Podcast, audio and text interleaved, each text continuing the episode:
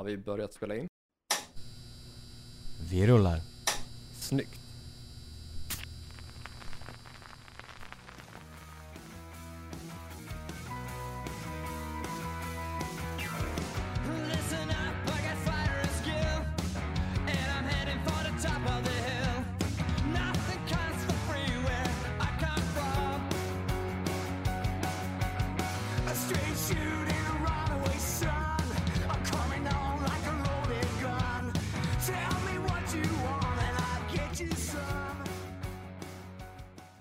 Välkomna till det 73 avsnittet av Hårdrock. För fan. Ni lyssnar på mig, Joe Borderline och Mig, Corey Duvett. Yes, det är alltså den nästan prisbelönta podcasten Hårdrock för fan som ni sitter och lyssnar på då. Och tänker ni nästan prislösa, prisbelönta podden, vad innebär det? Jo, det innebär ju då som så att vi var väl kanske den enda musikpodden och enda hårdrockspodden nominerad pris till eh, årets kulturpodd inom Guldpodden 2020 då. Jajamän. Där vi slutade på andra plats. Det är inte fy skam. Nej, och faktiskt var enda podcasten som har funnits i mindre än ett års tid. Jajamän, och enda hårdrockspodden som sagt. Är ni då obekanta med vår podcast sedan tidigare så är det då en infotainmentpodd. Vi har lite burk, lite kul och hyfsat mycket hårdrock för fan. Innan vi rullar in på veckans nyheter så har vi i detta avsnitt musik i både intro och outro som Velvet Insane står för. Låten heter Backstreet Liberates. Velvet Insane har signat med Sound Pollution och kommer ge ut sin kommande skiva där. Musikvideon och låten ligger ute nu, så in på Spotify och YouTube för att lyssna på detta fantastiska rock'n'roll-dänga. Jesper Lindgren från Velvet Insane känner ni såklart igen som tidigare gäst i Hårdrock för fan och som kollega till mig i Save the Noise-projektet. Och det är med gästartister på denna som Dregen och Nicke Andersson, Dregen från Backup Babies och Nicke Andersson från, Forna Helicopters. Mm, Dregen också från Helicopters. Ja, det är sant, det är sant. Och Nicke Andersson också från Entombed. Exakt. Dregen spelar också med Michael Monroe. Ja, det är också korrekt. Vad slänger du oss fakta? Ska vi göra till en så här, en så här fight om vem som kan lista flest band som de någon gång har varit med i? Okej, nej, men det måste vara väl de största som de, de Ja, huvudsakligen ja. är kända från då. ja, men absolut. För annars kan jag kontra med att Dregen en gång gjorde audition för Guns Roses. ja, och jag kan kontra med att Nick Andersson spelar också med Imperial State Electric. Okej, men då vill jag kontra med att Dregen också var med i Midlife Crisis. jag tror vi lämnar det där. I surrender. Åh fan, Imperial State Electric blir fan intressant att diskutera sen med tanke på veckans tema. Ja. Men då är det dags för veckans nyheter. Ja, men vad trevligt, vad trevligt.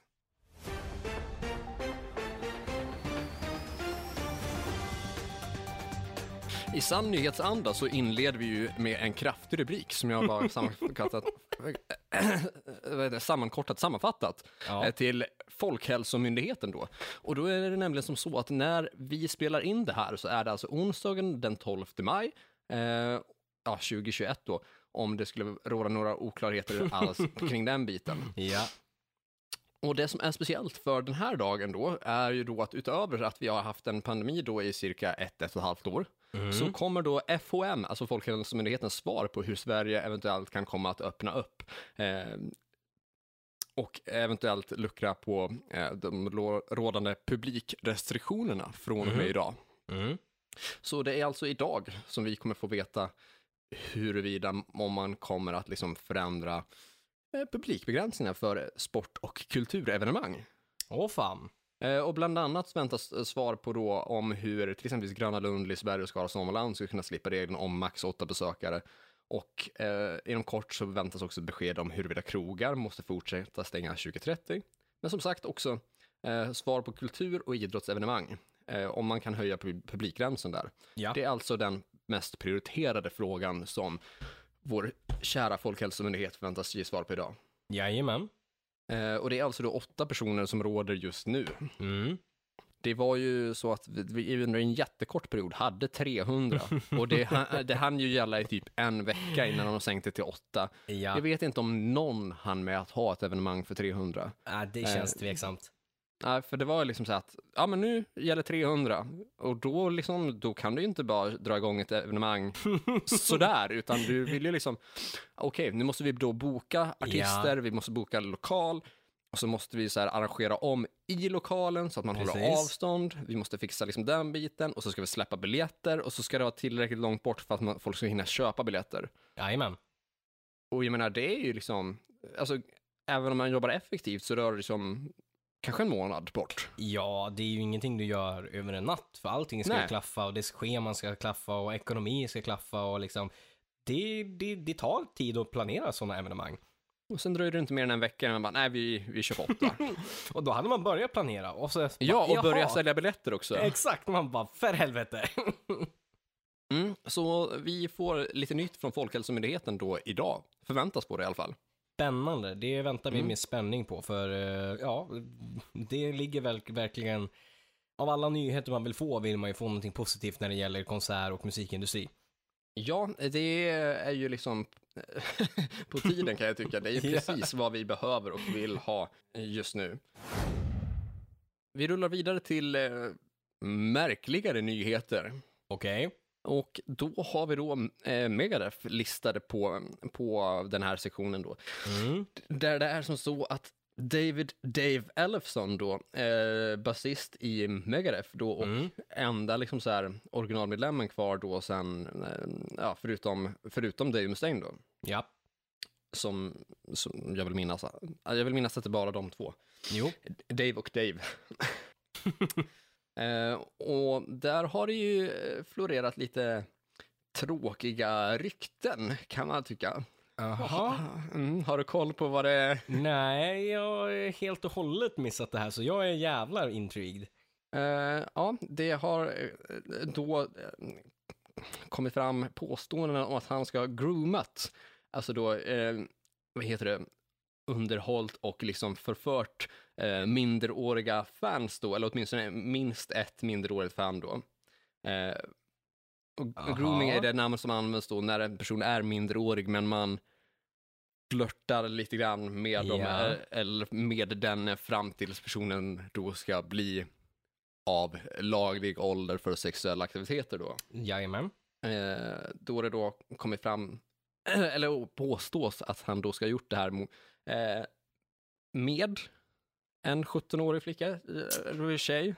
Ja. Mm. Eh, men han själv då påstår att han inte var medveten om dennes ålder då. Eh, och, mm, och det liksom har dykt upp lite, lite videor runt omkring på internet. Där en Aha. eh, Dave Ellefson är lite, lite väl, eh, ja, lite väl, ja, vad ska vi kalla det för? Eh, Ja. ja, är det i korthet kanske att han eh, då sitter och eh, utför sexuella aktiviteter för sig själv då kanske i samtal med den här tjejen då. Nej. Jo. Ja men för helvete. Mm. Fan vad sjukt. Alltså, och det, alltså, ja alltså. I, det- I det här fallet så här, jag är kanske inte jättepåläst, men alltså det kändes typ så här. Ja, alltså samtidigt blir man ju inte förvånad av människor överhuvudtaget längre, men, men det är ändå så här lite oväntat. Det känns inte så, av allt man har sett med honom och som person och man liksom läst in liksom och det känns inte som att det direkt har varit några liksom större skandaler tidigare. Det här känns ju liksom, eh, jag är lite förvånande ändå liksom. Ja, det kan jag väl kanske ändå tycka. Ja. Eh, Dave Elfson själv då hävdar väl att det har liksom så här tagits ur sitt kontext och att han liksom inte... att, att det liksom så har varit så här private interactions between two liksom consenting adults. Och Ja. liksom, det, det, det, det kan det ju bitvis vara. Såklart. Eh, om det, alltså visst, det kan def- definitivt vara consentful och det är ju definitivt private interactions. Eh, 100%. som, alltså, som kanske det finns mellan ganska många parter egentligen. Om man ser till att folk smsar och skickar meddelanden och klipp och bilder och sånt där över internet och mobiler och sånt där. Jajamän. Eh, mm, det, det, det, det är väl just det här skon, skon skulle eventuellt skava vid om Mm. det är som så att hon vid något tillfälle har varit minderårig då, medan han Ja. då är liksom så här 55-ish. Ja. Eh, och sen också då kanske att han är gift. Ja, det var det jag satt och funderade på. Han är väl gift? Har inte han till och med barn? Jo då, de har två barn tillsammans eh, som är 25 och 22. Så att den här eh, damen, tjejen, Mm, mm. kvinnan i fråga är ju då yngre än då bägge hans barn. Alltså det klingar ju inte riktigt, alltså så här, hur, ja, alltså även om så här, ja, man kanske inte visste att det var 17 så jag trodde hon var 18, men det gör, alltså det gör inte saken bättre egentligen heller. Alltså det är fort, alltså ja, in, det ska inte vara någon age, liksom shaming eller så, men, men ändå i det här liksom klimatet vi lever i och det är liksom, det är män, det är liksom det, där. Det är ett samhälle. Ja, exakt. We live in a society. Exakt. Så klingar det ju inte bra alls liksom. Eh, nja, det, det, det gör det väl inte. Men ehm, som sagt, då, han, han har gått ut med att säga att det är liksom så viss form av eh, misinformation och liksom att det liksom Ja. är eh, att det är åtminstone consensual. Och eh, det, har, det har kvinnan i fråga också liksom så här påstått att det är consensual. Jaha. Eh, så, så det talar ju lite grann till, till hans fördel, eller till Ja, kanske deras bägges deras, fördel. ja, det är frågan om han kanske mer kanske blev påkommen med otrohet. Eller Ja. om någon annan tredje part på något sätt har läckt det här materialet. Exakt. Ja, och i, i sådana fall så ja, alltså visst, det är fortfarande underage. Eh, och det klingar inte, jag tycker inte det klingar bra någonstans. Men Nej. ja, han är ju som sagt, han han är inte dömd för någonting än. Så vi Mm, kan ju nej. varken säga bä eller bu. Varför man nu säger bä eller bu, jag vet Ja. Men, vi, ja, men Megadeth och framförallt då Dave Elfson i Blåsväder. Det är de ju, det är ju fakta. Vi, Mm. följer, vi följer den utvecklingen. Ja, och det har även eh, Dave Mustaine kommenterat via Megadeths Facebook-sida att de följer utvecklingen All right. och väntar tills alla korten är på bordet och att liksom, eh, man ändå liksom vill göra det på ett respektfullt sätt. Det gillar jag ändå, för vi är i ett liksom Society. Jag är society, men i ett klimat där, där vi verkligen har cancer culture och det är ett fakta. Eh, sen om det är liksom av en grund att det här är fakta att den här personen har gjort det, absolut, då ska det vara som det ska vara. Men som sagt, han är ju inte dömd för någonting och då är alltså, det är ju lätt att liksom bara droppa folk för det. Så att jag gillar ändå liksom respekt, respekten där. Eh, och sen, jag menar, visar det sig att det liksom är fakta så här, okej, fine, då får man ta det beslutet då liksom. Yes. Ehm, mm. Vi ska också in, tyga det, foga där att, alltså visst, cancel culture har vissa negativa effekter, ehm, men vi ska också påpeka att det kan, det kan vara i viss mängd bra för att vi ändå blir lite mer medvetna om hur kanske Ja. framförallt eh, kvinnor och tjejer har det i 100%. samhället, eh, kontra typ vilka fördelar män har haft i vissa situationer. Absolut. Det finns ju, en, alltså det finns ju ett faktum att cancer culture är här och det kommer ju inte av en, alltså av en icke-anledning utan det Nej, kommer ju på grund av precis. att det, det finns till för att det, det är bra egentligen att det finns för att rätt ska fan i mig vara rätt när det kommer till de sakerna. Absolut, så vi vill ju vara tydliga med att poängtera och påpeka den delen också. Oh ja, så oh att ja, vi oh ja. inte bara är pissed över att diverse män eller nej, killar Nej, vi är verkligen inte Hängs såna. nej, nej. Vi är inte de som säger inte alla män. Nej.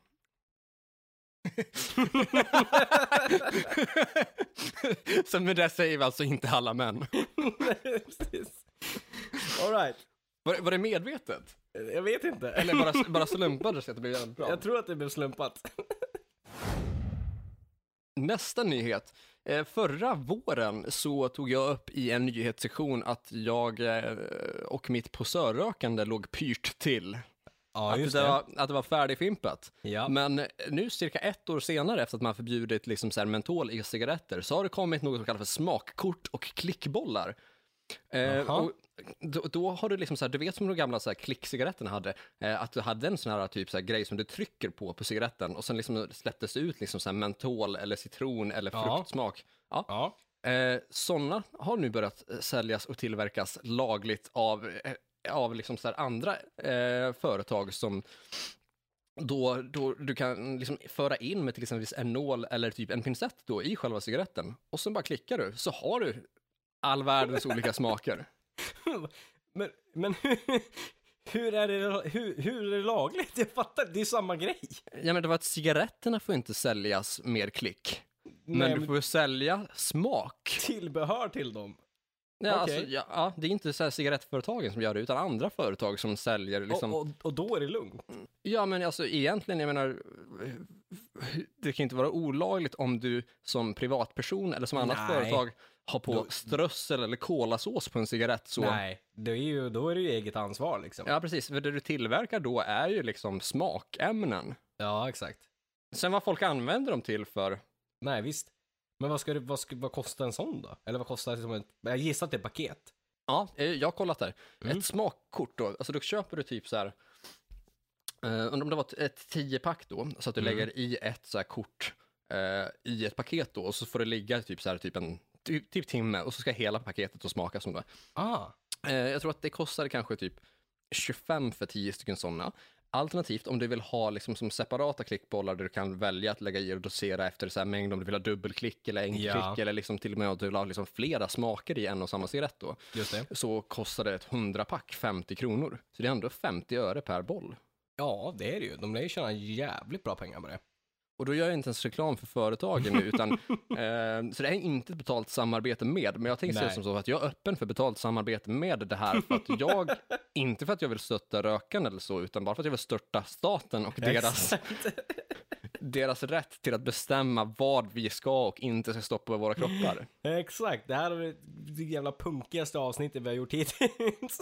Det är liksom, Det är det mest spretiga och oklara, om inte annat. störta staten och kapitalet bara. Alltså, individens rätt till sin egen kropp. Min Ja. kropp, mitt val, käften på er. Jag håller med, jag håller med. Ja men fan vad kul, the future is now old man. Ja, det är ju det. We live in a society. Vi rullar vidare. Sweden Rock Magazine kommer att göra en eh, serie, ehm, en serie reportage om det legendariska och eh, ikonstatiska eh, black metal slash death metal slash melodisk black slash melodisk death bandet Dissection. Mhm. Eh, där de i en serie då av åtminstone tre olika eh, tidningar, eller om det blir fyra till och med, kommer Mm. att djupdyka i samtliga deras album, plus att de kommer också att göra eh, en ja, 12 sidors sammanfattning av eh, den tidiga delen av karriären och också från den här tiden då man fortfarande inte hade liksom skivkontrakt utan man liksom så hängde Just runt det. med de norska black metal-banden därifrån Ja. kyrkbrännarvågen, tidigt 90-tal. Mm. Eh, Så det tycker jag ändå är en kulturgärning som Sweden Rock Magazine står för och som jag gärna vill pusha för. Ja. Inte heller ett betalt samarbete, men rätt ska vara rätt och där händer det grejer. Absolut, ja men fan vad kul. Det, det som du säger, det känns kultur, det känns historia och mm, ja, alltså eloge till Sweden Rock att liksom plocka upp den historien. Absolut. Ehm, och är det någon som har invändningar mot det här om att till exempel då Jon Nödtveit faktiskt var dömd till medhjälp till Mm. mord så vill jag ju påminna om att we live in a society. Det här kommer bli nästa sampling. Näst på nyhetslistan så har vi bägge två, två eh, gemensamma artiklar där. Den ena är KK Priest.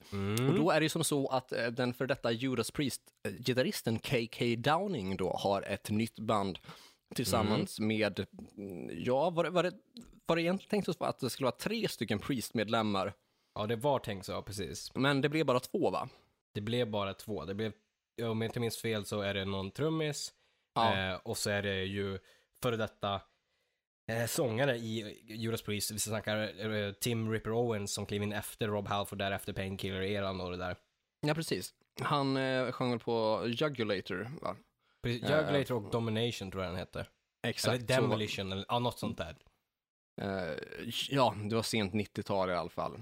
Eh, och sen tror jag att det var tänkt att man skulle ha trummisen ehm, Les Binks, har jag för mig att han heter. Jag Ja, undrar om inte det är trummisen från, vad heter det, just eh, Painkiller-plattan.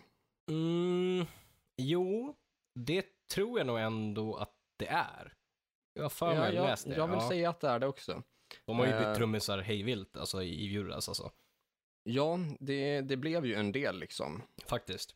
Eh, och eh, pl- plattorna då som eh, Tim Ripper Owens var med på hette ju då Jugulator och, och Demolition då. Ja, just det, precis. Mm. Och nu när jag sitter här och kollar på eh, Painkiller så ser jag att det var inte där som Les Binks var trummis utan då Nej, har de okej. Scott, Scott Travis, då Ah. icke att förknippa med Travis Scott. Nej. Utan Les Binks var då trummis 77 till 79 i, i Judas då, och då pratar vi om plattorna Sin After Sin, Stained Class och Killing Machine. Ah, ja, just Alltså då det. Jo, men det, plattan det som- stämmer. Plattorna som kom efter Sad Wings of Des- Destiny och precis före British Steel. Ja, ja men exakt. I vilket fall då, eh, KK Priest har då släppt sin första låt va? De har släppt sin första låt och mus- tillhörande musikvideo från sin uppkommande platta då. Och låten heter så mycket som, Eh, Sermons eh, of the Sinner heter den. då är det en annan låt än den jag har hört. Eh, ja, f- nej, det är jag som är ute och, och eh, slippar runt. Så heter plattan. Eh, Ja. Låtjäveln heter Hellfire Thunderbolt, så var det.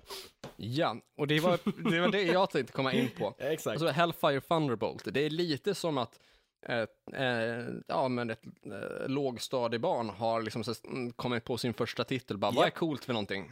Eld och åska. Exakt, det känns lite Pokémon eller så Digimon, eh, liksom. Vad fan är det här? Ja, men hur kom man till Hellfire Thunderbolt? Nej, jag vet inte. Och, alltså, har du, du, har gissat att du har lyssnat på den här låten. Japp, Vad tycker du om den här dängan?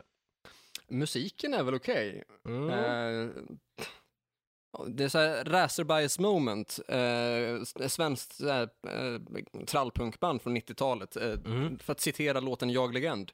Eh, de sa att texten var patetisk, men musiken var väl okej. Mm. ja, Och men det är väl, faktiskt. Mm, det är väl väldigt mycket så. Det är inte någonting att, alltså jag, i mitt tycke liksom, jag, jag, Mm. jag tycker inte att det här är någonting, inte den här låten i alla fall. Så, texten är ju extremt banal. Eh, KK vill liksom göra någonting eget, men döper först och skjuter sig i foten genom att döpa det till KK's Priest. Okej, vi fattar, du har varit en del av Priest väldigt, väldigt länge, du är en av the founding men- members. Men, Ja du tar dessutom in då en gammal liksom US Priest-trummis, fine, det får man göra. Man tar in Tim Rip Owens, en, en, liksom, en snubbe som klev in efter Rob Halford, fine, det får man göra. Men det de gör är ju liksom en kopia på forna Priest, när liksom, när Priest med sin förra platta som var sjukt bra, för, förnyar sig och är fortfarande Priest, i liksom Judas Priest vill säga, så går de här tillbaka i tiden och inte riktigt lyckas fånga det som ens var typ nostalgiskt med Painkiller eller de två plattorna som kom efteråt. Så att jag tycker att det här följer ju platt. Och Tim Owens, ja visst, han, han kan screama iväg på det sättet, men det, vad är liksom, det, det, det är ingen dynamik och det känns inte modernt. Och- Och framförallt inte inspirerat. Nej, det känns, alltså, nej, det känns som en kopia på sig själv. Eh, och ja, det är svårt att se liksom så här, om man är fans av US Priest, varför ville man se den här konstellationen liksom, eller ja, jag kan förstå konstellationen, men inte det här materialet de har släppt. Det är liksom, det, nej, det är så oinspirerat, verkligen. Ja, men behövde vi en priest på, på dålig budget? Nej, för det var väl typ det vi hade på 90-talet, alltså efter Painkiller. Ja, men lite grann så. Det här är ju liksom definitionen av det här. Mom, can we have Judas Priest? yeah, US Priest at home. ja, och man bara, the Judas Priest at home. Bara. KK's Priest, Hellfire Thunderbolt. Man bara, Eh, ja. ja, nej, vi, vi tackar, tackar nej till den och hoppas att det kommer någonting roligare ur det campet, för det där var inte ett bra första släpp. Ja, nej, absolut inte. Och riktigt oinspirerad eh, text framför allt. Liksom. Oh, ja. eh, bara en sån grej som att refrängen är liksom It's a Hellfire Thunderbolt, It's a Hellfire Thunderbolt. Och att bryggan innan var liksom There's metal in the air. Det är så Alltså gjort. är det Steel Panther som har gjort texten? Ja, men det är typ Michael Starr, co-writer på texten alltså. Mm. Det känns ju som en parodi, tyvärr. Sen har vi två till tre nyheter på Kurt Cobain. Mm. Mm. Den första nyheten, ska vi börja med den lilla nyheten kanske? Eller vilken är den lilla nyheten? Den lilla nyheten är väl den om att eh, Six Strands of Hair Ja. från Kurt Cobain då auktioneras ut eller är till salu. Precis. En, liksom en, en hårlock av Kurt Cobains hår är liksom up for action, eller för, för, för aktion. Eh, det, det ska vara liksom att 89 någon gång när de har spelat så är det någon, något fan eller någon människa som av någon anledning har fått en hårlock av honom och, liksom, och sparat den och nu säljer den. Jag tänker genast på Galadriel och, och, och Gimli i Sagan om ringen. Ja, Där han ber om ett av hennes hårstrån när han får tre. Exakt. What a fucking bargain. Eh, så att det här är ju rätt sjukt och det kommer ju bli, alltså, det blir väl intressant att följa och se vad, vi vet ju som sagt vad till exempel hans gitarr och så har sålts för. Men vad, vad sätter man gränsen för, liksom, vad är hår värt för, nu för tiden? Det, det får vi se helt enkelt. Mm. Spännande. ja. Eh, också perfekt för den som vill liksom ha begått ett liksom, brott och vill liksom, plantera bevis. Exakt. Vad fan, den här snubben är död sedan 30 år. Hur är det här möjligt? Bara Kurt Cobain dödade Joe Biden. Han var sjukt. Bara spä på liksom. Men okej, hela ja ja. Konspirationsteorierna liksom. Nej, han dog aldrig. Nej, han lever fortfarande. All right, men till nästa då. Ja, det är väl att FBI då har gått ut med att, eh, eller gått ut med, de har släppt eh, sin dokumentation och sin file, Kurt Cobain då, eh, som nämner en del kring eh, oklarheter i hans död då, Kurt Cobains död. Jajamän. Eh, och också en del så här, statements och liksom brev från personer som eh, tycker eller upplever att polisarbetet 94 gick inkorrekt till Mm. när man då, vad heter det, vad heter det, undersökte Kurt Cobains död helt Ja, enkelt. ja men precis. Men eh, de här dokumenten i sig lyfter inte något mer världsomvändande utöver det Nej, här då. det är liksom fakta. Det är liksom hur utredningen gått till och de brev som de fått in, men inte så att det finns något konkret som spär på mer att konspirationsteorierna skulle vara si eller så liksom. Men det är klart, de kan hitta, om konspirationsteoretiker kan säkert hitta någonting, men i faktamässigt så, så finns det liksom inget nytt där. Nej, det var liksom inget särskilt nytt under solen så. Nej. Utan det är mer av samma. Mm. Folk tror att Courtney Love kanske dödade honom, men Mm. liksom inte specifika bevis för det. Nej, nej. Jag menar, det är vad det är liksom.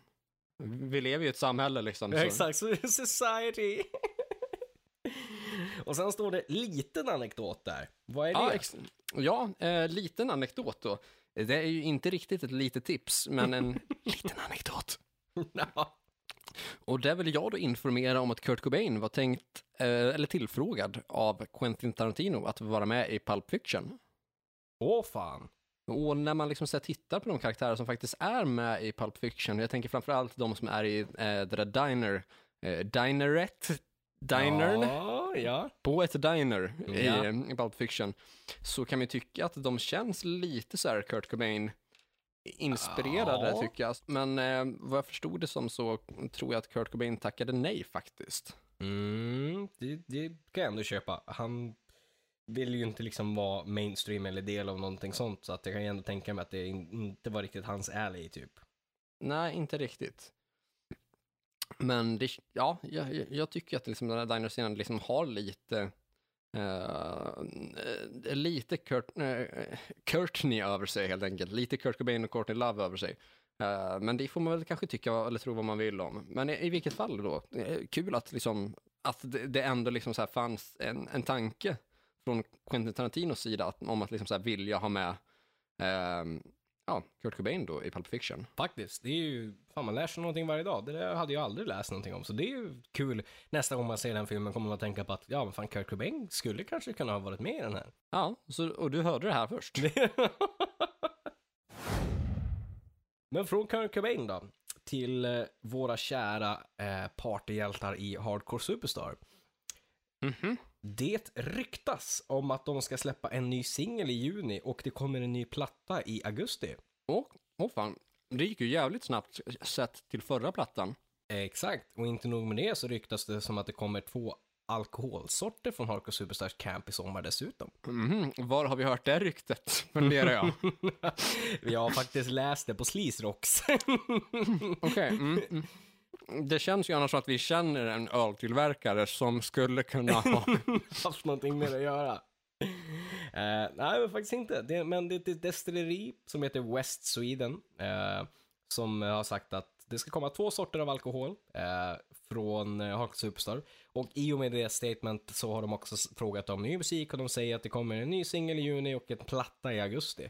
Det är vi ju fett taggade på och lägligt med Hardcore Superstar att släppa en eh, singel i sommar. För jag menar, Det är ju sommarmusik. det är det ju. Jag menar, You Can't Kill My Rock'n'Roll är ju brutalt bra sommarmusik liksom. Så jävla sommarplatta. Jag ska fan dra på den sen så fort jag kommer hem efter det här. Same. Den håller, alltså det är bland de starkaste sommarplattorna som finns liksom, som är gjort på, ja men alltså 2010 och framåt liksom. Oh ja, absolut. Eh, och innehåller många av Hardcore Superstars absolut starkaste låtar. Faktiskt. Men från Hog Superstar till en, ett unikum. Jaha. Vinnie Vincent. Ja, ja, absolut. Den före detta Kiss-gitarristen då. Precis, och jag menar han har ju också varit blåsvädret och eh, alltså med flertal olika, olika saker. Eh, och, Ja, jättemånga gånger. ja. eh, Vad är det nu? Han, han är inte blåsvädret, men han fortsätter ju att eh, eh, fascinera en. Han säljer eh, en serie av handskrivna eh, alltså texter, text liksom papper, där liksom, alltså lyrics, som han eh, liksom har handskrivet själv, signerat, och han säljer dem för styckvis 125 000 dollar. Va? Japp. 125 000 dollar? Japp. Vem skulle köpa en handskrivet papper av Vinnie Vincent för 125 000 dollar? What the fuck? Hans omvärldsperspektiv. Åh, det här känns ju som att han är med i typ amerikanska Lyxfällan. Och de bara, du har en skuld på 125 000 dollar. Ja. Hur tänker du lösa det här? Han bara, jag säljer texter. Det är så orimligt. Så jag, jag kan fatta om typ så här Gene Simmons eller Paul Stanley säljer typ en gitarr, eller även Vinnie Vincent. Men så här, han har suttit och skrivit, och det står inte ens vad det är för texter. Det är inte så att han har typ så här skrivit några texter till Kiss, utan det kan ju vara att han har skrivit en ny text och, nu och säljer den. Ja, jag tror faktiskt inte, alltså, förvisso, alltså när han var med- medlem i Kiss, han skrev mycket musik, det Ja. gjorde han, på både Creatures of the Night och på uh, Lick It Up då. Precis.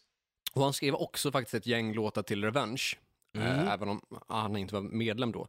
Men jag tror inte han har skrivit text överhuvudtaget. Jag tror inte det. Nej, jag inte vad jag har hört. det. Utan Nej. då är det ett annat soloprojekt då i så fall. Ja. Vinnie Vincent Invasion. Ja, det ska vara det. Men är det värt 125 000 dollar? Ja. Nej. jag menar, jag kan ju googla på texten. Mm. Den finns där. Alltså, ja, och sänk det till 125 dollar och det är kanske, ja, det är det. kanske, Ka- med betoning på kanske. mm, det är typ en tusenlapp. Men kanske om man är ett superfan av Vinnie Ja. Vincent och eller Kiss då, att man känner att ja, men ja. Det här kan vara kul. Men då liksom. vill man ju kanske få välja vilken text det ska vara. Ja, det tror jag inte man får göra heller, utan det är bara Nej. liksom set off liksom. Ja. Först till kvarn för 125 000 dollar. Ja, slå till nu. Så verklighetsförankringen är ju typ noll. Ja, minus 14 typ. Men ja, ja, vi lever i ett samhälle. Vi lever i ett samhälle. Det är Vinnie Vincents rätt att försöka exakt. sälja texter för 125 000 dollar. Så är det absolut. Från Vinnie Vincent till Foo Fighters och eh, AC/DC-sångaren Brian Johnson. De har ju börjat öppna upp ganska mycket i USA nu med att de har ju vaccinerat hejvilt mycket och börjat dra igång med konserter.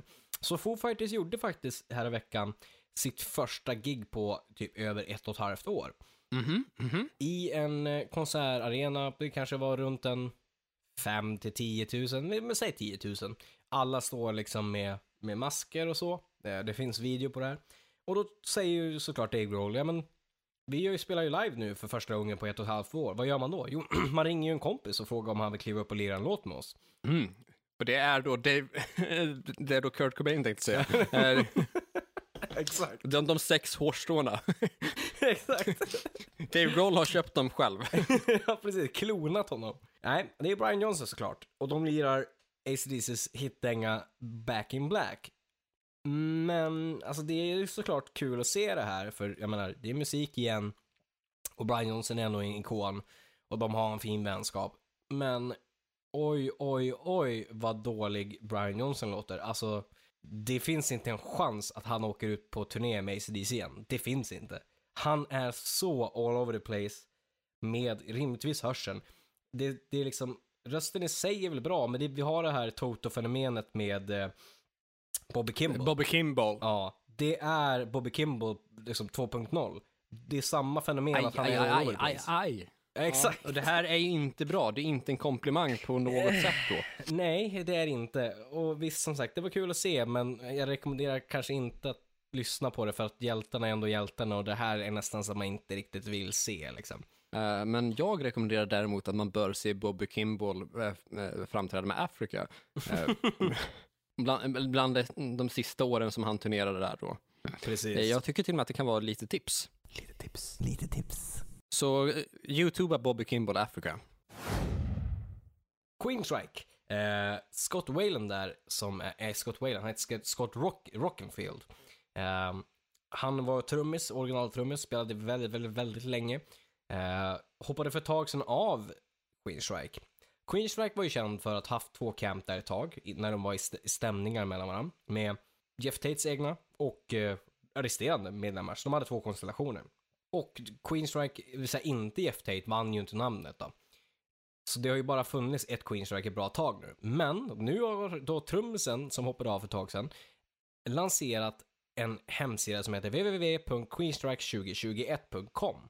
Aha, Är det på gång med ytterligare en konstellation igen? Ska vi upprepa historien med Queenstrike? Är det det som är på gång? Men om det nu är så, är det så att vi kanske till och med kan hoppas på en återförening med originalgitarristen och Jeff Tate med i den här konstellationen? Så att det är trummis, gitarrist och sångare. Och vad planerar de att göra med den här hemsidan efter 31 december i år? Det är en jävla bra fråga. Nej, det behöver ju inte vara en ny konstellation heller. Det kan ju bara vara typ att han ska jag vet inte, sälja merch eller ja, ingen aning. Men det, det låter Men max i sju månader. Exakt. Vilket är också så jävligt skumt och lanserar nu i maj dessutom. Mm, och lite sent kan jag tycka. Det kan man lugnt tycka. Så det blir spännande att se om det blir ytterligare en, eh, ja men en twist där. Med liksom att gå till rätten och så. För det gjorde de ju. De vann ju namnet. Men från Queenstrike då, till Johnny Singer. Singer, heter han så? Solinger heter han va? Han som sjöng i Skid Johnny, Row. ja, det är Johnny Solinger. Ja, precis. Inte Johnny sångare. Nej, men däremot Eric Singer, eh, trummis i Kiss. ah, så var det. Nu, nu och i där Revenge slash Live 3-eran. Precis. Vi har nåtts av lite tråkiga nyheter där. Eh, han har gått ut och sagt att han har blivit eh, fått en diagnos eh, med alltså liver failure.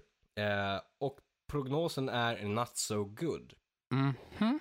Det är ju Ja. ändå tråkigt att höra, för det låter ju inte precis som positiva nyheter överhuvudtaget att han ska liver failure och Nej. att prognosen är dålig liksom. Jag tänkte, ja, jag tänkte framförallt att not so good var ju indikationen på att det lät sådär. Men Mm. Exakt. fan, det var ju, det var ju tråkigt. Ja, eh, vi får hoppas att det liksom löser ut sig där, för han var ju en bra sångare liksom. Eh, Ja, jo, absolut. Jag tycker han har fått lite för mycket skit, för att rent tekniskt så är han faktiskt riktigt bra. Absolut. Det Sen är det bara inte ett kul jobb att ta över efter Bach, till exempelvis. Då. Nej, det vill man inte göra hur som helst. Nej, men jag tycker att Johnny Solinger var tekniskt duktig. Absolut. Är tekniskt duktig. duktig. Och var mycket bättre match än Tony Arnell för den delen. Ja, eller han snubben de har från Dragon Force? Vi tuffar vidare. Ytterligare en tråkig nyhet. Tane Kitten, hon var ju gift med David Coverdale. Hon är ju hon som eh, är skådis och modell som var med i Here I Go Again musikvideon eh, och eh, Is This Love. Hon prydde också omslaget på första Rat-plattan. Eh, Out of the Cellar? Nej, Private Invasion. nej, Out of the Cellar, som det första eller andra. Um, Okej, men- okej, men Invasion of your privacy, det är, det är inte, det är inte samma. hon som är på. Nej, okej, ja, ja. Utan det är Ja, hon då som bör- är out out of the cellar. då. Ja, precis. Eh, hon har gått bort vid typ så här 50 års ålder. Det var ju alldeles för ungt kan jag tycka. Ja, eh, hon var ju dock, alltså fakta är att hon var känd för att ha haft ett kraftigt missbruk. Eh, sen om det är det som hon har gått bort av, det vet man inte för att jag menar hon har ändå... Det har väl hela Rat och White, Ja, White. Snake och Ja, men lite andra så. också. Exakt. Eh, men vilket som bara en enkel liksom, nyhet och tråkig liksom ändå liksom, för det är en, en del av musikhistorien, så är det ju liksom.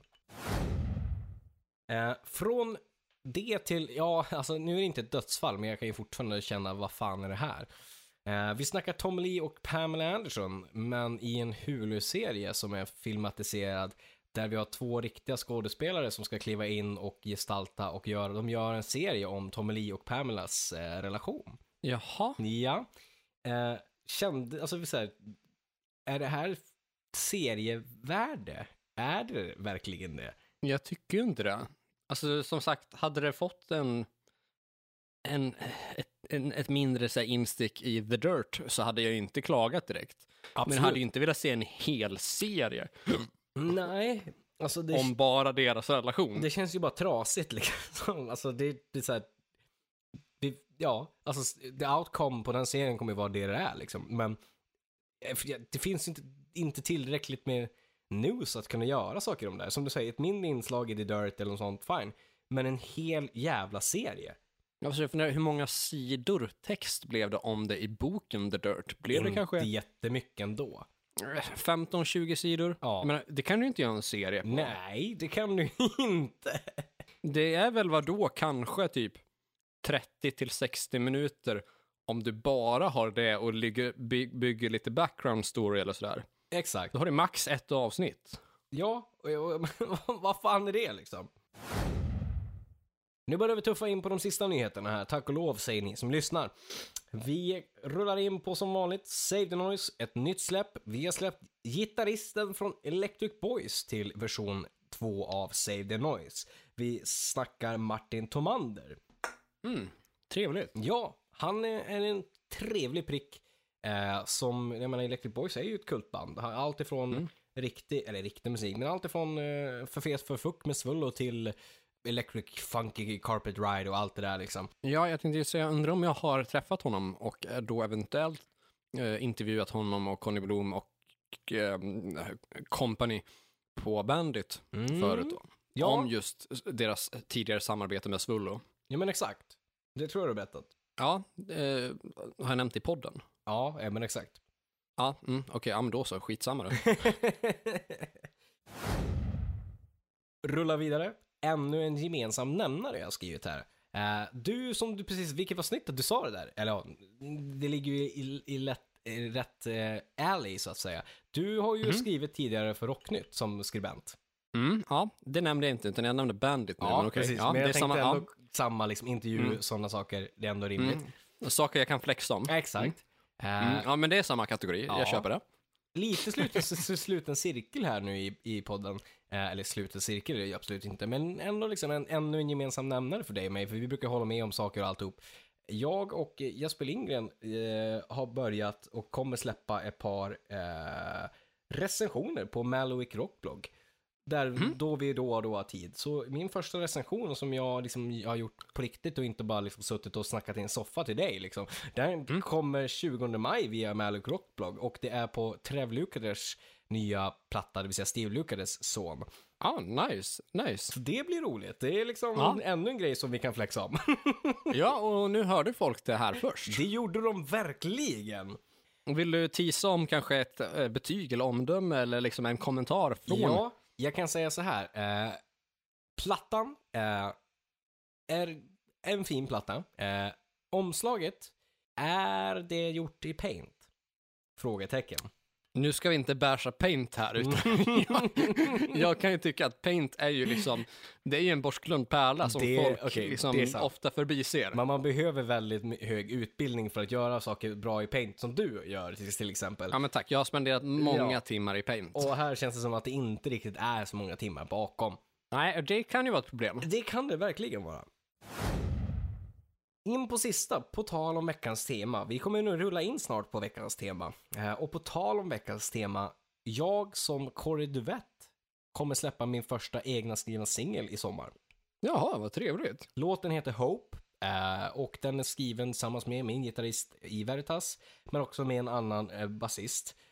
Så det blir faktiskt första Corey Duvett, inte bara ett Instagram-namn, utan nu blir det fullt ut solonamn. Ja, fett. Det är som Hope in this house. Exakt. Men det var allt vi hade på den fronten. Veckans tema då? Veckans tema. Det är så mycket som solokarriärer. Mm, som vi har hintat om hela vägen in. Ja, och när man liksom så här eh, smakar på titeln så känns det som att fan vad uppenbart det här temat är. Varför har inte det dykt upp tidigare?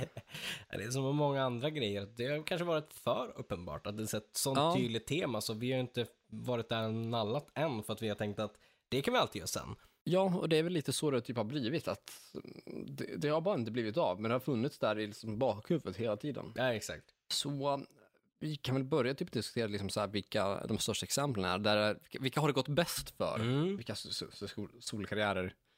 Alltså kontra typ eh, hur det har gått från för deras ja, tidigare band då som de Exakt. typ breakade med eller semi-breakade med. Ja, men precis. Eh, vilka tänker du allra främst på när vi snackar solokarriärer? Alltså det tydligaste jag tänker, alltså bara rätt upp och ner, är Ozzy Osbourne. Eh, Mm. Och kontra hur det gick för Black Sabbath under 80-talet. För det var spretigt, liksom, det var sångarbyten, det var musikerbyten. Eh, och även om det var musikerbyten i, eh, i Ozzy Osbournes fall så var han ju en, en arena-jätte under liksom, 80-talet. Mm. Och då vill jag kontra med att jag tänker faktiskt på Dio först. Mm, ja, i och för sig. Absolut. Som eh, dels har varit med i Elf och Rainbow och Black Sabbath Mm. innan solokarriären där då. Eh, för Sabbath släppte ju ändå två starka plattor med Dio. Det gjorde de absolut. Men det var kanske sen också när Dio lämnade Sabbath som Ja, Sabbath verkligen gick ut för. ja men det, det är sant. Sett ur ett liksom, karriärperspektiv i alla fall. Sen så gjorde man ju riktigt bra plattor med Tony Martin på sång, men 100%. Men om man tittar liksom ur ett sälja ut arenor och typ tjäna pengar perspektiv så, eller liksom i mer mainstream, så var ju både Ozzy och Dio mycket större, även om jag tycker att typ den absolut bästa plattan i mitt fall liksom av Black Sabbath är med Tony Martin på Headless Cross liksom. Men, mm, mm. men i sales liksom och i värva nya fans och underhålla gamla fans så känns det som att Ozzy och Dio är liksom i frontline typ. Ja, absolut. Alltså Ozzy och Dio är ju märkbart större än eh, Sabbath utan Ozzy och Dio. Det är ju liksom inte ens, alltså det går inte ens att jämföra. Nej. Eh, Det känns liksom att Sabbath hade kunnat vara förband till både Ozzy och Dio. Ja men alltså faktiskt. Ni gör det. och jag tänker väl där kanske att det blev, nu ska vi se, det blev väl sex plattor med Ozzy. Nej vänta, blev det åtta plattor med Ozzy och Sabbath under 70-talet va? Jag tror att det är åtta plattor, ja. Ja, varav sex plattor är de som anses vara typ felfria. Precis. Innan vi kom in på Technical Ecstasy Ja. och Never Say Die som blev jävligt spretiga, även om de innehåller några guldkorn, bland annat typ It's All Right. Ja. Eh, tycker jag är svinbra. Men eh, det, det är först där som man, eller som man i liksom så här folkmun anser att Sabbath började liksom så här svaja. Mm. Och sen gjorde man två stabila plattor med Dio och sen så började det svaja igen. Liksom, ja, så. exakt. Med Ian Gillan och sen Mm. byter sångare igen och ja. En soloplatta som skulle ha varit Tony Martin men blev en sabbatplatta. Ja, eh, så Ozzy var väl med där på åtta stycken sabbatplattor och Mm. Dio var med på två sabbatplattor eh, under eh, 70-80 där. Ja, ja men precis. Och Dio släppte väl många fler soloplattor efter det, sett till liksom sabbatplattorna. Ja, oh ja. Jag vet inte hur, hur många liksom, soloplattor Ozzy har släppt totalt nu, men eh, Oj, ja men det lär ju i alla fall vara en, måste ju minst vara studioplattor, måste det ju minst vara runt en, i alla fall en 12-13 skulle jag vilja säga. jag skulle säga det typ också. Ja. Men ja, i vilket fall då, så solokarriären för Ozzy och för Dio har ju pågått mycket längre än vad de liksom har pågått i typ så här för, i andra band. Så. Ja, absolut. För framförallt Dio har ju haft det som lite av ett signum att vara med så här, två, tre plattor per Ja. band ungefär. Ja, innan, han, innan han lämnar. Sen vad det beror på om det liksom är att han tröttnar eller att det inte känns rätt Mm. eller liksom så här, det kan vara så, något, det är ju en annan fråga så. Ja, men så är det ju. Men Ozzy och Dio kan vi väl ganska tydligt konstatera att det är de exemplen där det har gått bäst Ja, solokarriärer. alltså det, det vill jag ändå säga. Både liksom musikmässigt, fanmässigt, eh, liksom sälja ut arenor. eh, Men också en, en kredibilitet liksom med att Ozzy var jävligt bra som solo, Dio var väldigt bra, det var trovärdigt. Eh, Och de var två liksom ändå starka, framförallt Dio, liksom, att veta sin version med vad är det jag vill göra med det här solomaterialet liksom. Mm, mm. Eh, jag tänker ju också att Danzig är ju ett sånt band, Mm. eller en sån soloartist som har gått uh, kännbart bättre än eh, Misfits då. Ja, 100 procent. Som breakade liksom riktigt, riktigt stort där med soloplattan från 88. Ja. Eh, vad har du för fler exempel? Ja, jag har skrivit upp ett gäng exempel som ändå är liksom tydliga där det liksom har gått riktigt, riktigt bra. Ehm, och det kommer ändå, ett, ett av de tydligaste exemplen som jag tänker om man tänker kring runt samma era, vilket, det här vänder vi på det. Att gå från att vara soloartist till att vara eh, i band. Eh, right. och vi snackar Sammy Hager, han var ju, Ja. Alltså, han gick, eller i och för sig, han gick från Montrose först, sen så gick han till solo. Och Sammy Haggard, för att säga hur bra det gick för honom, Sammy Haggard var större, eller åtminstone likvärdig Van Halen när han klev in i Van Halen. Det fanns ju en anledning till att de övervägde att döpa Van Halen till Van Hager. Så att, Mm, precis, och det är ju liksom på grund av den kommersiella framgång han haft innan. precis. Och det var ju liksom inte med Montrose. Han var med Montrose först och sen så var det liksom solo. Och han blev ju jättestor som soloartist. Släppte mycket bra material. Ehm, och där är liksom en väldigt tydlig liksom att Sammy var ju en extremt duktig soloartist liksom och visste vad han ville och liksom och skrev grymma låtar som I can't drive 55 eller It's only rock'n'roll, Must Tequila. Och sen kliva han liksom in i Van Halen. Så där är ju tvärtom, men han var ju ändå på något sätt, du kommer ju inte ihåg honom kanske för Montrose, utan du kommer ihåg honom antingen för Van Halen sen, men också som, som klart, Sammy Haggard, ja, som soloartist så stor som han var, för han sålde ut jättestora arenor innan han klev in i Van Halen. Han var ju van med den grejen. Jag tänker no, alltså, några till Mm. exempel där, där typ så här solartisten typ är mer känd än banden. Mm. Eh, det blir att ett svenskt exempel och två internationella exempel. Mm. Eh, och de två internationella exemplen jag tänker på, det är ju Phil Collins och Michael Jackson. Oh ja, 100 procent. Eh, alltså, och när det kommer till Phil Collins och Michael Jackson så, jag hade inte ens koll, alltså det dröjde några år innan jag hade koll på att Phil Collins var med i ett band som heter Genesis. Ja, samma här. Och Michael Jackson var med i en grupp som heter Jackson 5 Ja, innan. hade ingen aning om det tidigare. Nej, nej, alltså det, det, det visste man ju inte förrän ganska så långt in i sitt musiklyssnande så. Ja, exakt. Eh, och det är väl så än idag att liksom deras solkarriärer är mycket större än deras tidigare grupper så. Ja, ja men alltså jo, alltså så är det ju. Tittar du hitsmässigt och liksom i framgångsmässigt och liksom i, säger du till den vanliga jämte man Michael Jackson eller eh, liksom Phil Collins så kommer de ju absolut kanske inte tänka på eh, ja men Genesis eller Jackson 5 först och främst. Och när det kommer till liksom svensk mark så är det ju Tåström jag tänker på. Vars solokarriär liksom har varit väldigt framgångsrik och liksom haft den stora liksom verkligen så jätteframgången och succén så Ja, eh, som eh, förvisso liksom alltid har funnits lite grann, eller i viss utsträckning med Ebba Grön, Imperiet och Peace, Love and Pitbull så, men inte alls på samma nivå. Att det är ju först idag som soloartist Ja. som han är den här äh, sälja slut Gröna Lund-storleken 100%. liksom. Det är ju som Thåström liksom. Ja, ja. Det, ja, precis. Det är som soloartist som man kan dra in en 15-20 tusen pers där. Ja, ja men så är det Den framgången hade han väl inte, eller den kapaciteten hade han väl inte med tidigare grupper under tiden det begav sig.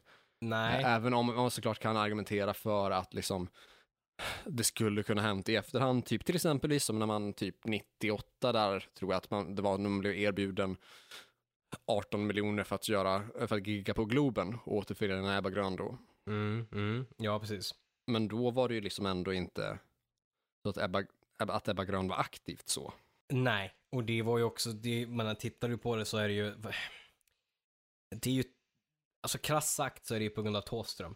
Det är ju det, på grund av hans framgång som man ville liksom att, dels att Ebba Grön hade släppt bra material och det har blivit liksom en, en, en hype kring det. Men det är ju på grund av, hade inte Thåström kanske varit lika stor då, så hade ju, kan man kanske inte erbjudit dem så mycket pengar heller för att återförenas. På grund av att Thåström var liksom the, the big liksom. Exakt. Det är ju, det är ju Thåström som är nyckeln där på alla sätt och vis. Och även han, på honom som det föll, liksom, att han ville liksom inte återförena Nej. Grön. Nej, nej men precis.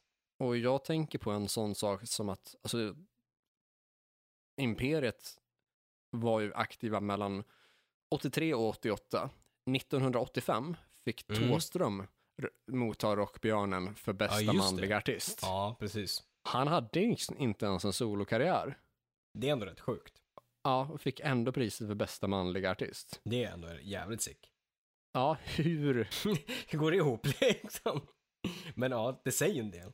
Ja, alltså, precis sagt. Det är en sån jävla tydlig indikation på att det är Thåström som har varit nyckeln till framgång och som Ja. har varit den både huvudsakliga låtskrivaren men också eh, personligheten som gör att vi vill höra mer av hans band. Mm. Banden som han är medlem i. Ja, men så är det ju absolut. Eh, jag kom på att tänka på en till ehm, som ändå liksom var med, men han kom fram i band som Alcatraz och grejer. Eh, och vi Mhm. måste ju ändå snacka om liksom den här galningen Yngwie Malmsteen. Men det är ju också det, han, han är ju solo. Det är ju Yngwie Malmsteens Rising Force, eller hur han nu vill kalla det. Och det är ju, han om någon har gjort det tydligt att det är My Way or the fucking Highway. Det är mitt band. Det är jag som är Yngwie Malmsteen. Det är liksom Yngwie Malmsteen plus en sångare eller en basist. Men det är fortfarande solo Yngve liksom. Och han, alltså 80-talet briljerade han ju. Han var stor, han sålde ut arenor på arenor på arenor. Eh, och var ju en sån karismatisk människa liksom att du du tänk, när du tänker på Alcatraz eller vad du nu tänker på de man han varit med tidigare så är det Yngve. Och vad, allt han har gjort konstellationsmässigt så är det, det är alltid Yngve liksom för hans stora ego och hans liksom personlighet som tar plats liksom. Ja, och det är väl kanske därför som han bör och Thåström och vissa andra bör ha Mm. solokarriär. För Ja, att, för det funkar liksom inte riktigt annars. Eller det har ju funkat men kanske inte genomgående. nej, eh, på sätt och vis inte liksom. Eller alltså, alltså på sätt och vis är det liksom så som du, alltså så Mm. som du beskriver det. För, för alltså Yngve så har det uppenbarligen inte gått att samarbeta med någon. Alltså det är inte ens diskussion på den. Eh, Medan det, typ så, Dio, det vet vi inte exakt vad som har hänt i varje fall. Men Nej. som sagt, det har ju gått liksom några plattor för honom innan han hoppat av Elf, innan han hoppat av Rainbow, innan han hoppat av Sabbath för Mm. att göra solokarriär. Och med Thåström så var det liksom, eh, ja det blev tre plattor med Ebba Grön, det blev väl fyra plattor ish med Imperiet, det blev tre plattor med eh, Peace, Love and Pitbulls, Ja. två plattor med Sällskapet.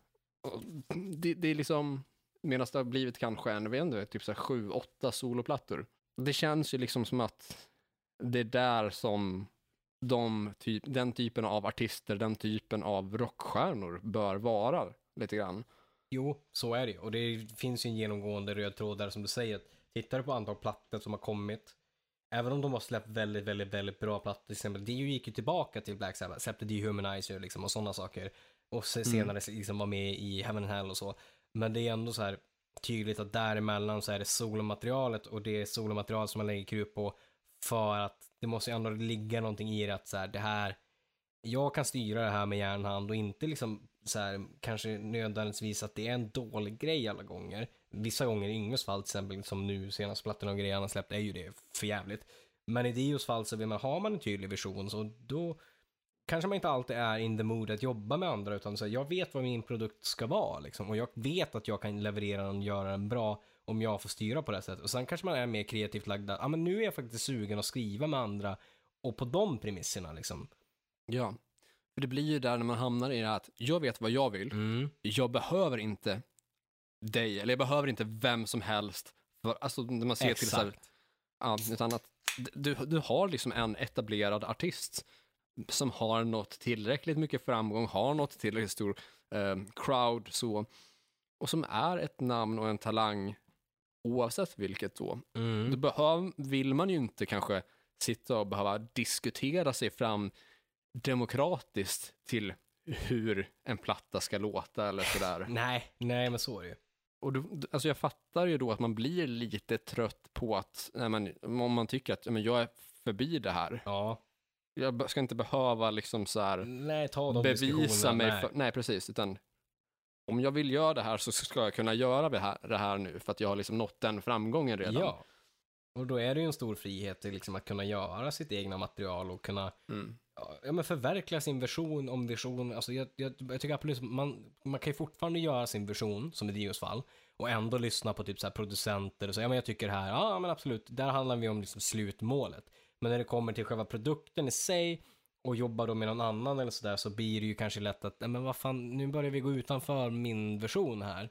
Eh, och det är inte det som jag vill förverkliga, utan jag vill förverkliga det här. Exakt.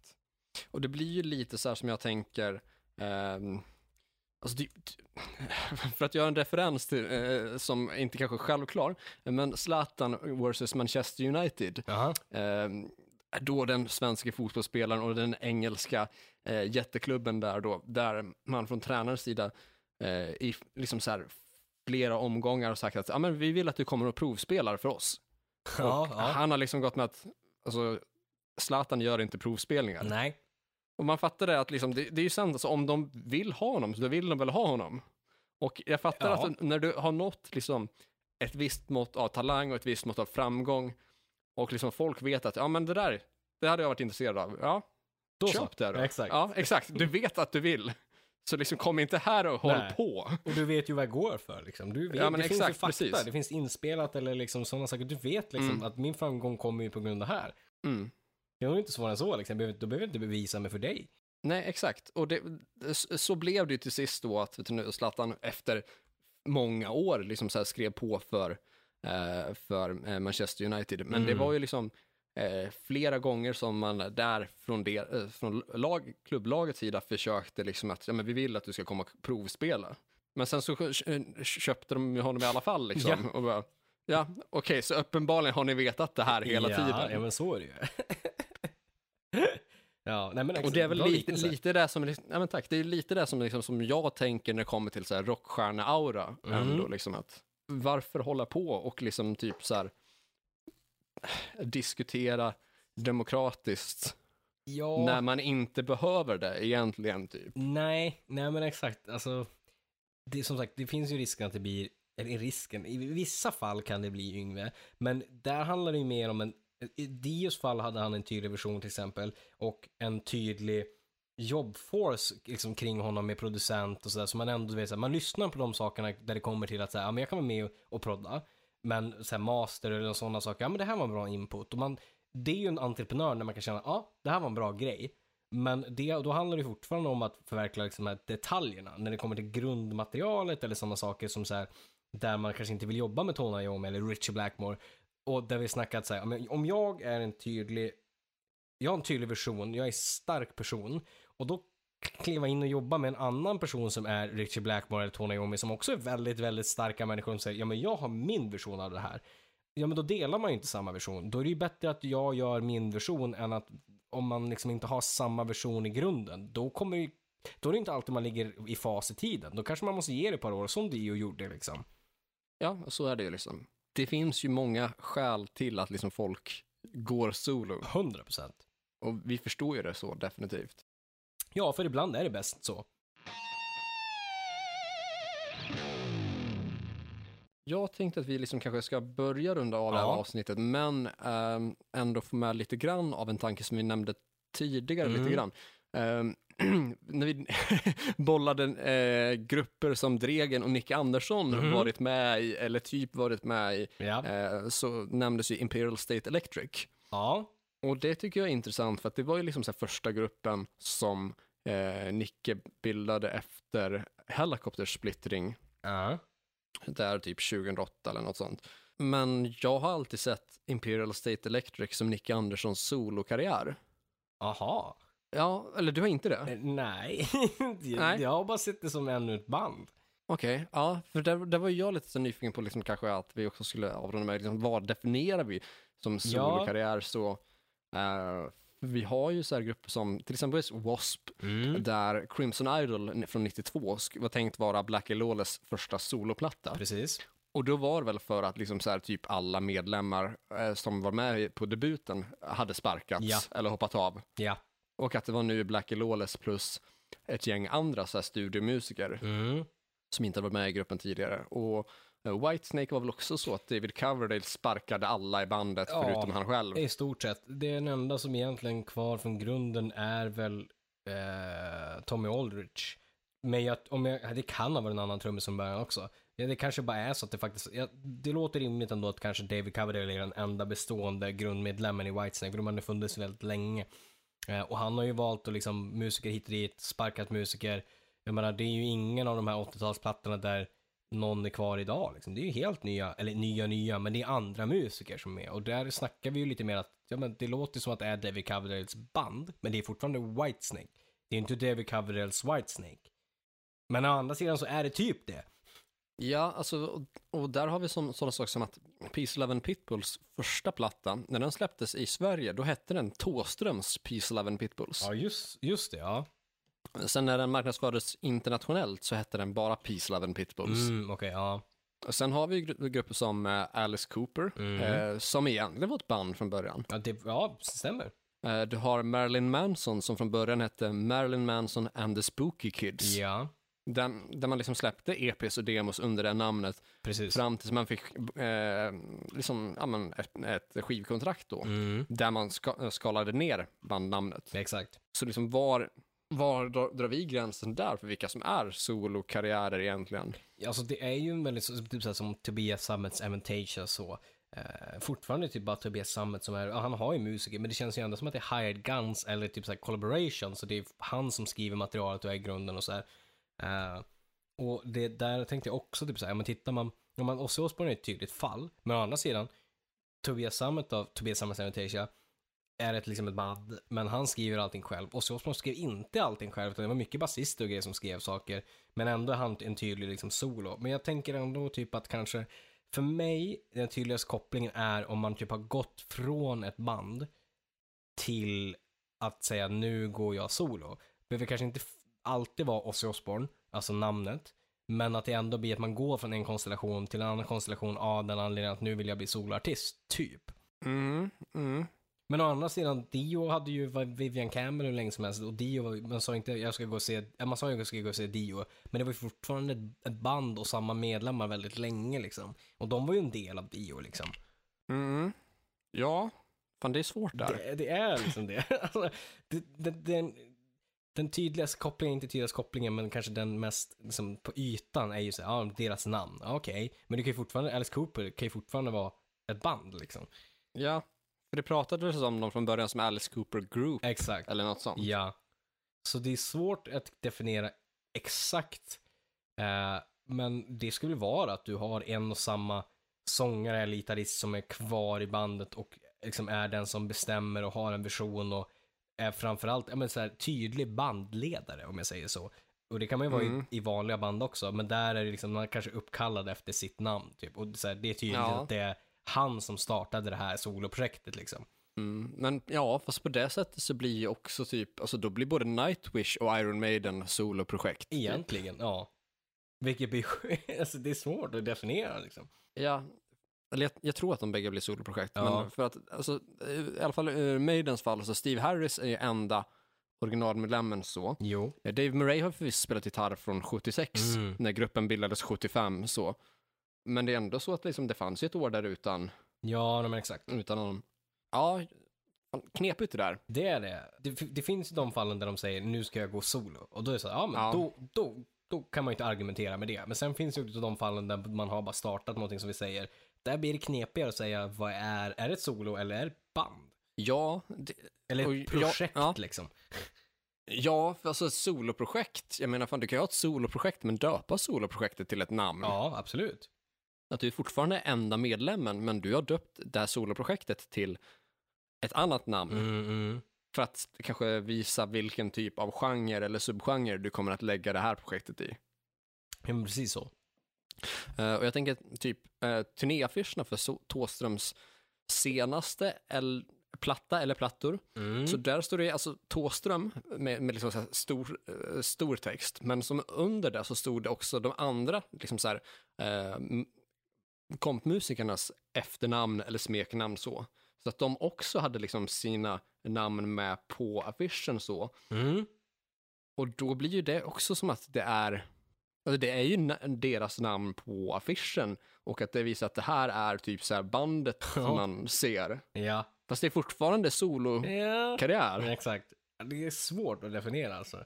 Men eh, fan, det, det känns som ett tema som vi kan prata svin mycket om och att vi kan liksom så gräva den här Ja, frågan. och det kommer vi göra. Så ja, det kommer vi göra. Dels så kommer vi att göra en part två på det här. Mm. Och sen så kanske det blir så att det blir lite bonusmaterial nu för våra patrons Det också. lär det garanterat bli. Så vi kanske ska runda av här. Jag tror fan det. Eh, och rulla in på veckans tips då helt enkelt. Jag tror inte jag har tipsat om det här. Och om jag har tipsat om det här, då skyller jag på min utbrändhet. För jag har fan inget minne av att jag skulle ha tipsat om det här. Nej, I podden. Inte i den här podden i alla fall. och sen å andra sidan har jag släppt så jävla mycket grejer där vi har tipsat. Jag kommer inte ihåg hälften av vad jag har tipsat om. Nej, alltså, alltså jag kan säkert ha tänkt flera gånger att den, shit, den här ja. låten måste jag ha tipsat om tre gånger nu.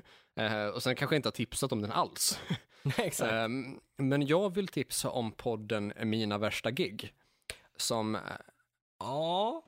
Har jag tipsat om den förut? Nej, jag vet inte. Jag, jag, vet att jag, jag vet att jag har pratat om den. Ja, du kan ha pratat om den, men jag vet inte om du har tipsat om den. Jag vet att jag har pratat om den i podd om podd. Och jag vet att vi har pratat om den med dig. Ja. Eh, för att vi körde ju temat, ehm, nu ska vi se, våra första band. Mm. Som ett av våra första liksom, så här, poddavsnitt. Så. Och det var ett tema som var liksom based on den podden. Ah, ja, men just det. Ja, Att liksom så här, mina värsta gig blev våra första band. Ja men exakt. Ja, men okej. Ja, men jag tror Mm. kanske du inte har tipsat om det, men jag bara Nej. nämnt det. Mm. Ja, det var, ja, och jag tror inte ens vi nämnde den i det avsnittet heller. okej. Eh, För det, det var nog eh, lite tidigt ändå Ja. i så här poddens historia typ. Och jag, och jag försökte hitta så här, så här sneaky ways att sno Ja, lite content så. Ja. Och du sa att ja, men, vi, vi ger dem cred i alla fall för det här. Och jag tänkte, Ja. att, okej, ja men det kan vi göra. Ja. Och sen så Gjorde kände jag att, nja, det blir nog, det, det, det, det, är bättre om vi framstår som genier. Ja, så att exakt. de bara tänker, hur fan Exakt. kom de på allting? Jag bara, jag vet inte. I don't know. I don't know. Jag skulle väl vilja tipsa om Mina värsta gig då. nice. En podcast av Niklas Runsten som har klippt bland annat Tombola, podcast då med Marcus Berggren och Carl Stanley och också podden eh, Ursäkta där Mm. av Johanna Nordström och Edvin, eh, jag vill säga Törnblom, det kan vara helt fel. Eh, Ja. mm. eh, bägge de poddarna var nominerade och fick väl olika priser kanske också i Guldpodden. Jag för mig det. Eh, Tombola, fan, Tombola fick inte eh, vi, priset för videoblogg, utan Nej. de, de förlorade med typ, så här, typ tio röster eller Mm. någonting sånt där. Men var nominerade i typ så här, tre, fyra kategorier. Ja, exakt. Och jag tror Niklas Runsten tror jag vann pris för bästa klippare faktiskt. Ja, men det är nice. Eh, Ja, men det har jag Mm, mig. jag, tror. Ja, jag tror att den podden Ursäkta vann pris som årets nykomling. Det kanske. tror jag också att den gjorde. Också Västerås-baserad, eller Västerås-koppling då med Johanna Nordström, standup-komiker som eh, är född, född och uppvuxen här i Västerås. Mm. Eh, Så den här podden då, Mina värsta gig, Niklas Runsten intervjuar blandade komiker eh, och trollkarlar och diverse som pratar om de gånger som det gått absolut sämst för dem på scen. Och det är svinkul att höra om hur liksom så etablerade eh, artister, eller liksom så etablerade underhållare som man vet är svinbra, eh, när de pratar om liksom eh, misslyckanden eller liksom så här tala hjärnsläpp Ja, och liksom så här riktigt kaotiska framföranden Ja. och eh, tillställningar så. Jag känner att de är mänsklig liksom. Ja, och väldigt så här, befriande att höra om. Jo, ja. Det ger liksom så här hopp och trygghet för en själv. Att det, Exakt. så, oavsett liksom hur bra man än blir, hur känd man än blir, hur mycket Ja. pengar man än tjänar på någonting, så har de personerna också haft det sämre någon gång i tiden. Så är det. Det är fakta. Mm. Nice, bra tips. Tack. På, jag tänker hålla mig till eh, temat eh, om solartister och jag tänker tipsa om en låt från Bruce Dickinsons första soloplatta. Jag tror dessutom att det är titel, inte titelspåret, men första spåret ut. Eh, vi snackar Son of a Gun. Ja, det, jag tror att den är öppningsspåret Ja. på Balls to Picasso Ja. från eh, 1990 där va? Uh, ja, precis, det stämmer. Uh, så jävla bra låt. Uh, jag tycker den plattan är, i sig är grym, men just den, det är liksom, det är en hook. Bruce, Bruce sjunger sjukt bra. Det är bra producerat. Det är liksom en, en blandning mellan liksom att man gillar liksom, alltså Maiden för Maiden, men också typ att man ändå hittar något lite partigare Maidens, alltså den delen. Så jag gillar den. Det är en bra partydänga och eh, passar bra med dangaranga-väder och en uh, tjuvburk helt enkelt. Visst är det så. Mm. Eh, och du, det är jag som är fel ute. Eh, Son of a Gun är förvisso öppningsspåret, men Ja. första plattan är Tattooed Millionaire. Ah, just det fan, så. Från 1990 dock. Ja. To Picasso är andra plattan då från 94. Ja, just det. Ändå öppningsspår första soloplattan. Tattooed Millionaire 90. Ja, men Och nice. Son of, Son of a Gun är låten då såklart. Grymt! Men eh, då eh, är det sociala medier. Vart fan ska ni följa oss? Överallt säger vi. Ja, gilla allt vi har eh, och kommentera typ allt vi har. Okej, kanske inte allt, eller alltså typ... Det hade varit jobbigt. Men fan, gilla vår Facebook-sida, det vet jag hårdrock. För fan. Följ vårt YouTube-konto, det vet jag hårdrock. För fan. Följ våra Instagram-konton där du heter Kåre Duvett. Ett ord och du heter Joey Borderline. Ett ord. Jajamensan. Eh, dra iväg ett mail till oss på hrffpodcastgmail.com där ni kan skicka diverse. Ni kan skicka till exempel eh, det här klippet på Dave Elfson då. Eh, ni kan skicka liknande klipp på er själva, eh, på er granne eller vad ni nu sitter på för någonting kul. Ja, exakt. Eh, ni kan skriva någonting om vad ni tycker om podden, Ja. om ni tycker något bra. Tycker ni något sämre så kan ni hålla er för er själva. Ja. Om ni inte tycker att det är jätte, jättedåligt och vill dra till med ett mordhot, för mordhot tar vi gärna emot. Det gillar vi. Ja, det är right up vår alley. Jajamän. Och kan få oss att wind up i någon annans alley. I övrigt så är det väl eh, Patreon för Ja. folk som vill stötta oss då, alltså Patreon. Så in på patreon.com podcast där ni kan eh, dra till med en dollar eller två och få massor med bonusmaterial för oss då. Finns hur mycket som Eh, och helst. då, ja, och då ser ni väl till så att vi håller den här podden fri från eh, kasinoreklam och lite liknande Exakt. åtminstone ett tag till. Ja, vi försöker hålla det så länge som möjligt. Gör det till en tävling. Ja, ja. lite så här chicken race bara, hur lite kan vi tjäna på en podd utan att börja ta in Maria Casino och Precis. Bet365? Ja, det är en hårfin linje. Ja, matkassar och annat kul som ni annars kanske måste lyssna på i tid och otid. Lite så.